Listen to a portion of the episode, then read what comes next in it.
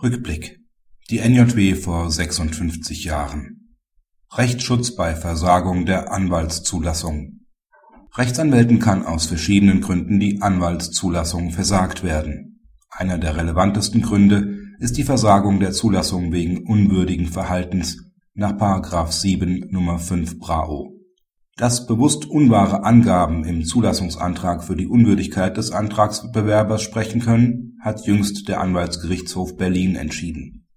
Anlässlich dieser Entscheidung nimmt Christian Dahns in NJW Spezial liegt diesem Heft bei die wichtigsten Versagungsgründe unter die Lupe. Wie kann sich der Rechtsanwalt aber gegen die Versagung der Anwaltszulassung wehren?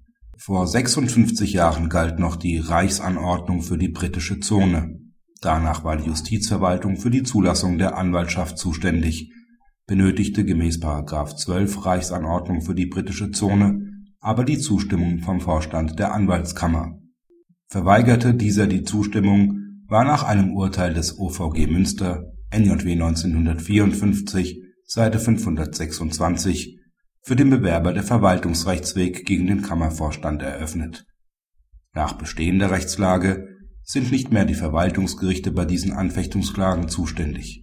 Denn § 112a BRAO eröffnet einheitlich für alle verwaltungsrechtlichen Streitigkeiten im anwaltlichen Berufsrecht den Zugang zur Anwaltsgerichtsbarkeit